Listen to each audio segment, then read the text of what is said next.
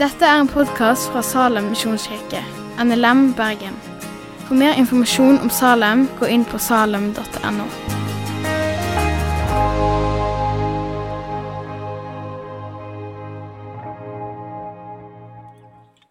Kjekt, da. Jeg, eh, jeg ser flere mennesker hele veien eh, for hvert minutt som går, så det kan være jeg blir vendt til synet. Men så stas å se så mye folk, og at ikke vi trenger å ha en sånn fast plass. Eh, og jeg ser kjente fjes. Jeg har blitt kjent med noen nye. Audun, f.eks. er ny i Bergen. Og, nei, det er nydelig. Og så er det så viktig å si i begynnelsen av et semester og eh, i begynnelsen av en gjenåpning etter en pandemi, iallfall til meg sjøl, å si at mm, Salem vi er en menighet som er imøtekommende. Eh, som åpner opp litt på vennegjengen vår for de som er rundt oss.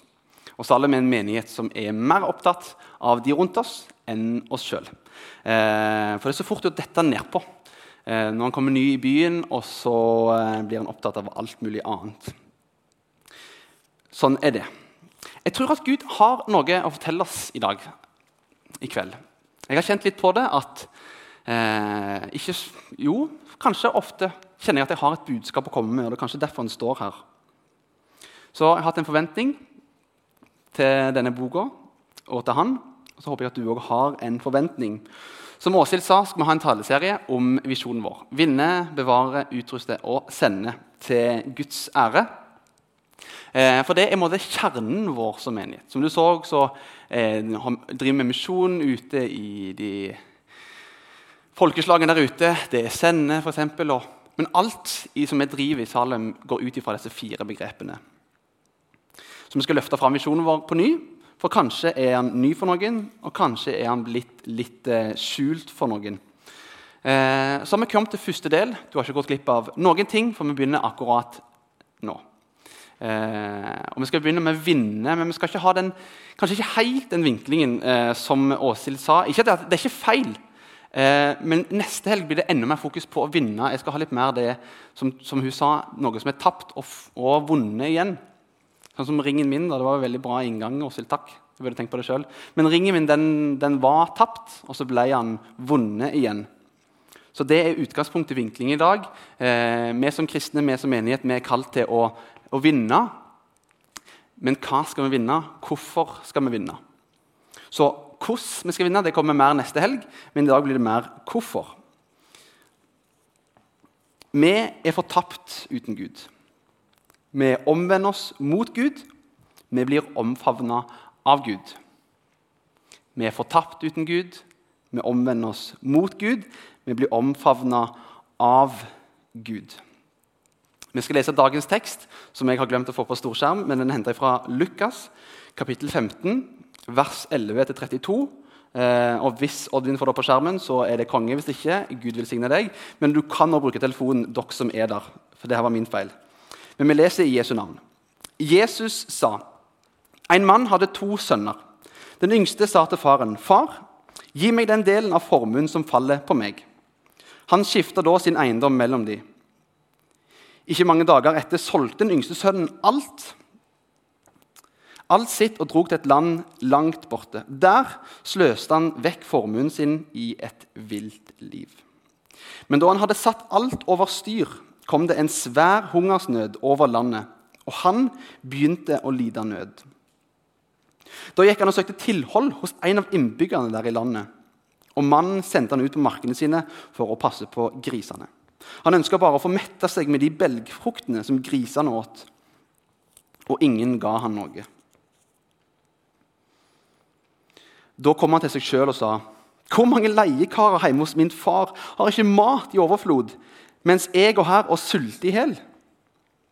Jeg vil bryte opp og gå til min far og si, 'Far, jeg har synda mot himmelen og mot deg.'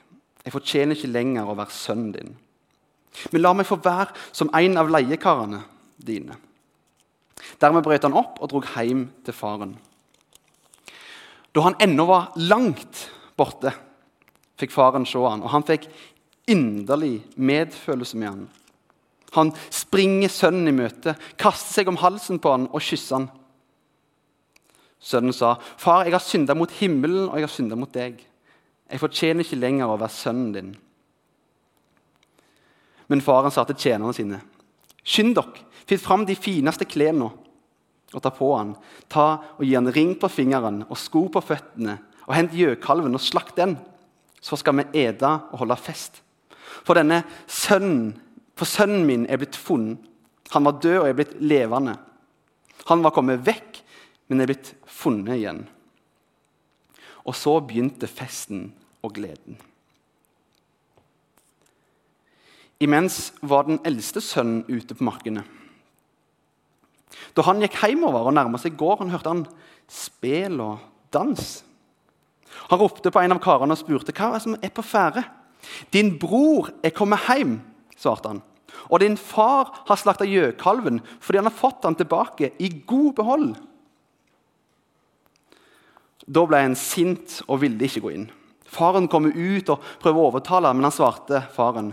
'Her har jeg tjent deg i alle år, og jeg har aldri gjort imot ditt bud.' Men meg har du ikke engang gitt et kje, så jeg kan holde fest med vennene mine. Men straks denne sønnen din kommer hjem, han som har sløst pengene dine sammen med horer Da slakter du gjøkalven for han. Faren sa, 'Barnet mitt, du er alltid hos meg.' 'Og alt mitt er ditt.' Men nå må vi holde fest og være glade.' For denne broren din var død og er blitt levende. Han var kommet vekk og er funnet igjen. Slik lyder altså Herrens ord. La oss be. Jesus, vi takker deg og priser deg for at vi kan være her i Salem igjen. Vi takker deg for eh, hver enkelt person som sitter her. Hver enkelt ny person som kommer til Bergen, som skal studere, skal jobbe eller bare være i Bergen. Eh, og takk at du er vår far som kommer oss i møte. Og takk at du vil ha noe med oss å gjøre. Du vil ha fellesskap med oss. Herre, jeg takker deg for eh, din bok, din bibel, ditt hellige ord, som er et sikkert fundament for oss som enkeltpersoner og menighet å stå på. Og Takk også at det er en sånn slags paraply som, som dekker alle våre behov. Og takk at det også er et sikkert fundament og ankerpunkt å se på der framme, som hjelper oss å holde oss på rett vei. Herre, jeg ber om at du må stige fram ut av teksten i dag og vise deg for oss, vise deg for meg, som den du er. Eh, den seirende Herren som, som kommer og springer oss i møte, Herre. Jeg ber om at du må, må bli stor i dag, Jesus. I ditt navn. Amen. Altså, det er sikkert mange her som er kjent med Jesus, men det kan være at du ikke er så kjent med Jesus. Men en ting som jeg har lagt merke til, og som andre også har merke til, er at Jesus er og var ganske radikal. Eh, jeg skal ikke bruke masse tid på det, men blant så holdt han seg til tollere og syndere. Noe som fariserene likte svært dårlig. Fariserene, religiøse folk eh, som, hva skal du si, Jesus sa en gang at de var eh, på utsida var de flotte og, og fine, men på innsida var de måtte råtne og fæle. De blanda gjerninger inn i frelsen. Kort fortalt, da, Jesus var ikke særlig stor fan av fariseerne. Heller motsatt. For Det står rett før vår tekst i de første versene, 1-3. Alle tollerne og synderne holdt seg nær til Jesus for å høre han.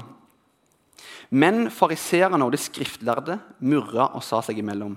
Denne mannen tar imot syndere og eter sammen med de. Da fortalte han de denne lignelsen. Eh, og Hvis du har Bibelen, så ser du at han forteller de to korte lignelser, og så kommer vår tekst. Så Når Jesus forteller den fortellingen som vi har lest nå, så er det som om vi hører denne knurringa til fariserene i bakgrunnen. Så hvis jeg, skal ikke være Jesus da, men hvis jeg er fariserende, det er kanskje bedre, eh, så er jeg her og knurrer, så står Jesus der og forteller historien. Og han sier en mann hadde to sønner. Den yngste sa til faren, 'Far, gi meg den delen av formuen som faller på meg.' Sånn begynner Jesus. Og Ut fra denne teksten i dag skal vi finne fram tre momenter, eller tre punkter. Det første er at vi er fortapt uten Gud. Fortapt uten Gud, fortapt. Og Vi leser noen vers. Jesus sa en mann hadde to sønner. Den yngste sa til faren, 'Far, gi meg den delen av formuen som faller på meg.' Han skifta da sin eiendom mellom de. Ikke mange dager etter solgte den yngste sønnen alt sitt og dro til et land langt borte. Der sløste han bort formuen sin i et vilt liv. Men da han hadde satt alt over styr, kom det en svær hungersnød over landet, og han begynte å lide nød. Da gikk han og søkte tilhold hos en av innbyggerne der i landet, og mannen sendte han ut på markene for å passe på grisene. Han ønsket bare å få mette seg på belgfrukten som grisene åt, og ingen ga han noe. Fortapt. Han var en liten sånn rebell, han her. Han fikk et lite syn om at han skulle være fri. Han ønska å leve så fritt og så godt som han bare kunne. Litt som Bent Høie sa på pressekonferansen i går. Eh, vi vil leve det livet som vi syns er best. Men så er det ikke før han kommer på bånn, før han innser hva han har tapt. For han var virkelig på bånn. Ifølge Moseloven, som han eh, hadde lest og kunne, så er griser det er dyr. De skal du ikke ete, det skal du ikke ofre til. Eller ofre med. Så for han å mate de og passe på de, sove sammen med de, ja, det er drit for en hver enkelt. Men for han her så var det enda mer nedverdigende. Han hadde nådd bånd. Hvorfor hadde han nådd bånd? Fordi han hadde sløst vekk alt. Han hadde sløst vekk alt. Han hadde tenkt på seg sjøl, sine egne egoistiske tanker, og han hadde blitt fortapt. Det er nok ikke bare han som har gjort sånn gjennom verdenshistorien. Det står iallfall en på scenen i Salum som har vært noe sånt. Og Bibelen sier at vi gikk oss alle vill som sauer. Hver tok sin egen vei. Og Som kristne tenker vi at synden alltid er problemet i utgangspunktet. For det er hans syndige og egoistiske natur som gjør at han havner der på bånden, fortapt. For han hadde fått det bildet at hvis han, hvis han får tak i formuen og måtte reise til landet der borte Jeg vet ikke hva han så for seg, men der var det et godt og et deilig liv. Men i realiteten så var det verken bærekraftig eller digg i lengden. Men det var en, en kortvarig nytelse. Synden er en kortvarig nytelse. Og Slik er det djevelen òg lokker oss til fall. Han viser oss synden som i et eple og viser oss den, at det er godt og fint på utsida. Så gir han det til oss. Og Så tar vi det og så hogger vi til.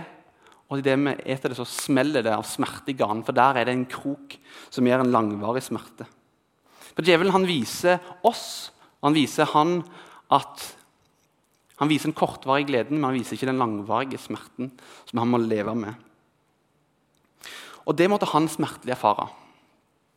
Den langvarige smerten med synden. Men heldigvis så stopper ikke historien om sønnen her. For han var fortapt uten Gud. Men fortellingen forteller oss at han omvendte seg mot Gud, mot far. Da kom han til seg sjøl og sa hvor mange leiekarer hjemme hos min far har ikke mat i overflod, mens jeg går her og sulter i hjel? Jeg vil bryte opp og gå til min far og si, Far, jeg har synda mot himmelen og mot deg. Jeg fortjener ikke lenger å være sønnen din, men la meg få være som en av leiekarene dine. Dermed brøt han opp og dro hjem til faren. Han kommer til seg sjøl igjen. Det som han våkna av en dvale eller av en lang søvn og vil bryte opp fortapelse, omvendelse. Og Han begynner med den erkjennelsen. Far, jeg har synda. Det begynner med å innse problemet, innse at vi har synda. At jeg har gjort noe galt mot Gud, jeg har gjort noe galt mot far. En salmist gjør det samme, og han sier, 'Jeg vil bekjenne mine lovbrudd for Herren'. Og det er en del det er en del løfter knytta til det å bekjenne synd i Bibelen. Det står dersom vi bekjenner våre synder, så er Han trofast og rettferdig. Så Han tilgir oss syndene og renser oss fra all urett. For det å omvende seg handler om at du går i en retning, og så snur du helt om og går i en annen retning. Fjerne seg fra det som du står i, den synden som du står i. Gå til far gå mot Gud og ta imot, be om tilgivelse og ta imot det som Gud har for deg. Den kjærligheten som Gud har for deg. Og Det Sønnen gjør, og det vi gjør, det krever ydmykhet. Det krever ydmykhet å gå til Jesus og akseptere at han gjør det for oss. Fordi vi må innrømme at ikke vi klarer det sjøl. Vi må innrømme at ikke vi klarer det på egen hånd. En dag jeg og min bror var på gårdsplassen i Telemark, der jeg er oppvokst, eh, så holdt vi på med en lek som vi verken har lekt siden, eh, før eller siden, heter det. Eh, og den leken den heter Kast stein på taket av garasjen og så, se når den triller ned igjen. Min bror han var og er fortsatt fire år eldre enn meg, så han var litt sterkere. Hadde litt mer muskler i hendene. det kan diskuteres om han har det i dag. han er sikkert uenig i det. Eh, men da skal kaste den. Da. Han var litt for sterk, så han heiv den litt for langt. I fall sånn jeg husker leken selv. Og så skulle jeg kaste denne steinen sjøl. En liten sånn, sånn en stein ish. Og så tar jeg tak, og så skal jeg liksom kaste den, så jeg må liksom komme over eh, takrenna og sånt, og skal opp på taket. Og så kaster jeg, og så ja! Aner ikke hva som skjer, men så hiver jeg rett bort i bilen på sida. Bort i bilen, pappa. En gammel Subaru. Men slapp av, det gikk helt fint. Jeg heiv en stein rett i ruta, alt jeg kunne, og det gikk helt fint. Så vi lo og koste oss. Ha-ha, tenk hvis den hadde knust. Eh, så da var det liksom tilbake inn i scratch, altså pinne en i stein da, så kaste. Og så, ja, og så rett på samme ruta, og han knuser. Han knuser, ligger i tusen knas, og jeg er det som jeg eh, har gjort gjennom hele livet. Brite må ikke høre dette, men jeg flykter. Jeg springer av gårde. Jeg springer alt jeg kan vekk ifra problemet. Eh, for så utrolig pinlig, så utrolig flaut og litt skummelt, fordi pappa kan bli litt sur hvis du ødelegger ting. Eh, det kan han eh, fortsatt, men spesielt da. Hva, skal, hva kommer han til å si, da? Så jeg satt jo og var på en trestubbe der, satt der i ukevis, følte jeg. Det var kanskje noen sekund. Det kan ikke gå tilbake igjen. Det, går, det går ikke an å gå tilbake igjen. Så kom vi på at mamma skulle lage noe godt til lunsj. Og jeg begynte å bli sulten, så det var på tide å gå tilbake igjen. Men jeg husker faktisk enda en dag i dag at jeg, jeg må ha bestemt meg, jeg må tilbake igjen. Men jeg sitter på stubben og sånn, nei, nei, jeg kan ikke gå. Jo, jo, nei. Og når jeg begynner å gå, så husker jeg jeg måtte rusle så veldig sent. aldri gått så sent i mitt liv. Ned skrenten. Jeg ville liksom ikke komme fram. Men det var vel kanskje bedre enn alternativet å sitte på den stubben og råtne. Heldigvis så stopper ikke fortellingen om meg her eller til den sønnen her. For han var fortapt. Han ble omvendte seg og gikk til far. Og så blir han omfavna av Gud. Da han ennå var langt vekke, fikk faren se han, og han fikk inderlig medfølelse med han. Han springer sønnen i møte, kaster seg om halsen på han og kysser han. Sønnen sa, 'Far, jeg har synda mot himmelen og mot deg.' 'Jeg fortjener ikke lenger å være sønnen din.' Men faren sa til tjenerne sine.: Skynd dere, finn fram de fineste klærne og ta på han. Gi han ring på fingeren og sko på føttene, og hent gjøkalven og slakt den. Så skal vi ete og holde fest. For denne sønnen min var død og er blitt levende igjen. Han var kommet vekk, og han er blitt funnet igjen. Og så begynte festen og gleden. Faren han sto og venta på han hele dagen, dag inn og dag ut, og gikk på utkikk. Og Gud òg står på utkikk etter oss, tålmodig og ser etter oss. For selv om vi har gått 1000 skritt, eller 100 skritt, så er det alltid ett skritt tilbake. Og han står der alltid med en åpen favn. For slik som Gud og faren møter denne personen her i fortellingen, slik er det Gud møter oss. Slik er det Gud møter deg. Slik er det han møter en synder som vender seg tilbake igjen. For hans sønn han forventer jo å bli møtt med 'Hva er det du har gjort?' Og mon tru om jeg òg tenkte det samme. Men han blir møtt med 'Vi må feire'. Vi går til Gud, eller jeg går til Gud med sånn 'Tilgi meg, Gud. Jeg har synda igjen. Jeg falt.' Og så møter Gud oss og meg igjen med 'Kom'. Hvil hos meg. Hvorfor Gud? Hvordan Gud? For så høyt har Gud elska verden at han ga sin sønn den enbårne, for at hver den som tror på Han, ikke skal gå fortapt, men ha evig liv. Gud elsker oss så enormt mye høyere enn vi kan fatte. Og Jesus elsker deg så ekstremt mye høyere enn du kan fatte. Han har inderlig medfølelse for oss og med oss. Og Det går igjen ganske mange ganger i evangeliene når Jesus møter folk. Det står at Han møtte en stor folkemengde. Han fikk inderlig medfølelse med dem og helbreda dem. Og Ved veien så satt det to blinde. Og De fikk høre at Jesus gikk forbi, ropte de, 'Ha barmhjertighet med oss, Herre, du Davids sønn.'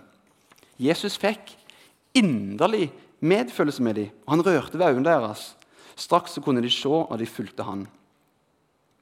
Eller en mann som var spedalsk, kom til han, falt på kne og ba om hjelp. Om du vil, Herre, kan du gi meg rein? Jesus fikk inderlig medfølelse med han, rakte ut hånden og rørte ved han og sa, 'Jeg vil bli rein'. Og Jesus han har inderlig medfølelse med deg. Han elsker deg. Han elsker deg så høyt at han ser at du er død og fortapt uten han. Han elsker deg for høyt til at du bare kan være sånn som du er nå, uten han. Teksten vår viser oss at han, sønnen gikk ifra død til liv. Var vekke og ble funnet igjen. Og Så er det Jesus som gjør alt nytt. Han gir liv, han gjør oss levende. Og Johannes, når han får se inn i evigheten, så ser han en som sitter på tronen. og Der sitter Jesus, og han sier, 'Se, jeg gjør alle ting nye.'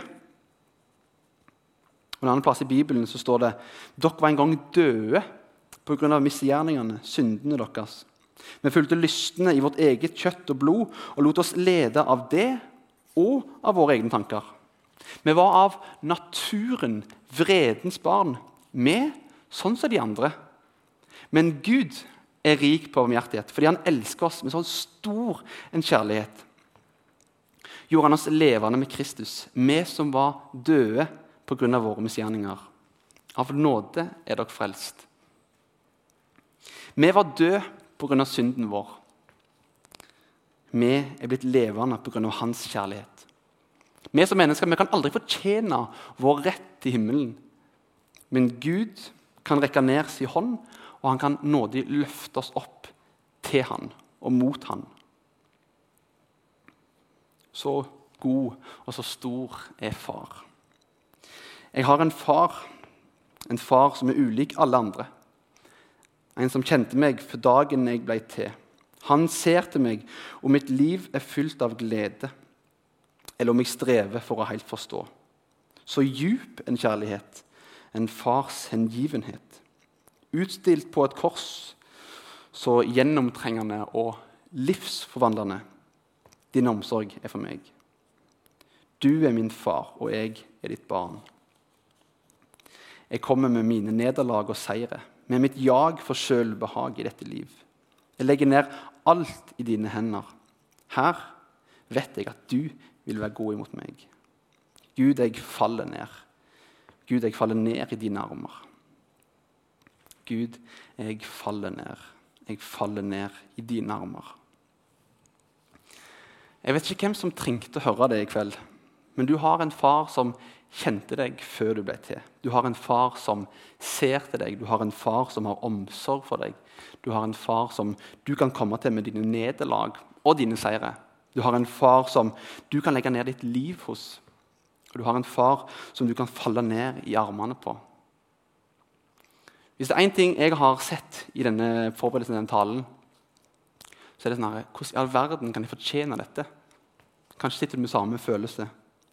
At det burde liksom komme en sånn liten skrift nederst, en bindingstid eller et eller annet. Og Det har tenkt, det er en liten skrift der, der det står 'Det er fullbrakt'. Det er fullbrakt. Det er evangeliet. Gud som sendte sin sønn Jesus for å leve et liv på jorda sammen med oss, uten synd, dø på vegne av og for andre, stå opp igjen ifra de døde slik at syndere som omvender seg og stoler på Han, blir tilgitt og får evig liv. Evangeliet om Jesus det er så enkelt at et lite barn kan forstå det. tro det og bli frelst av det. Samtidig er det så stort og så komplekst avansert innvikla at forskere og store teologer sliter med å skjønne dybden og høyden i det. Så enkelt, men allikevel så stort og så omfattende. Det er umulig å være i berøring med Jesus og møte den virkelige Jesus og gå derfra uforandra. Et møte med Jesus, et møte med evangeliet, vil skape en endring. Og vi kan ikke holde denne gode nyheten for oss sjøl.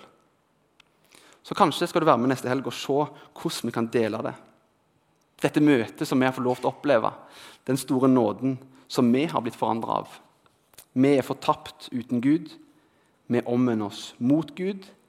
Vi er blitt omfavna av Gud. La oss be. Vi takker og priser deg, Jesus, for at du er midt iblant oss. Og at du hadde en plan for oss der vi kan komme til deg. Herre, du ser at eh, i hvert fall ikke jeg og mange med meg ikke skjønner hvorfor og hvordan du egentlig har gjort dette. Men takk at vi skal få lov til å bare tro det, som et lite barn. Og takk at det er nok for å bli frelst. Herre, du ser alle hjertene her inne. Du ser om folk har gitt sitt liv til deg eller ikke. Bare ber om at du må banke på hjertene til de som ikke har tatt imot deg. Ikke fordi det er en shortcut til et godt liv, men fordi det er det beste for oss. Fordi det er gode nyheter. Fantastiske nyheter. Herre, takk at du står og tar imot oss med åpne hender. Vi kommer til deg med våre to hender, tomme hender. Og vi kommer til deg med våre sår, vi kommer til deg med våre såra hjerter vår ensomhet og, og alt. Og takker vi for alt hos deg. I ditt navn. Amen. Takk for at du har hørt på podkasten fra Salem, Bergen. I Salem vil vi vinne, bevare, utruste og sende. Til Guds ære. Vi ønsker å se mennesker finne fellesskap, møte Jesus og bli disippelgjort her i Bergen og i resten av verden. Vil du vite mer om oss, gå inn på salem.no.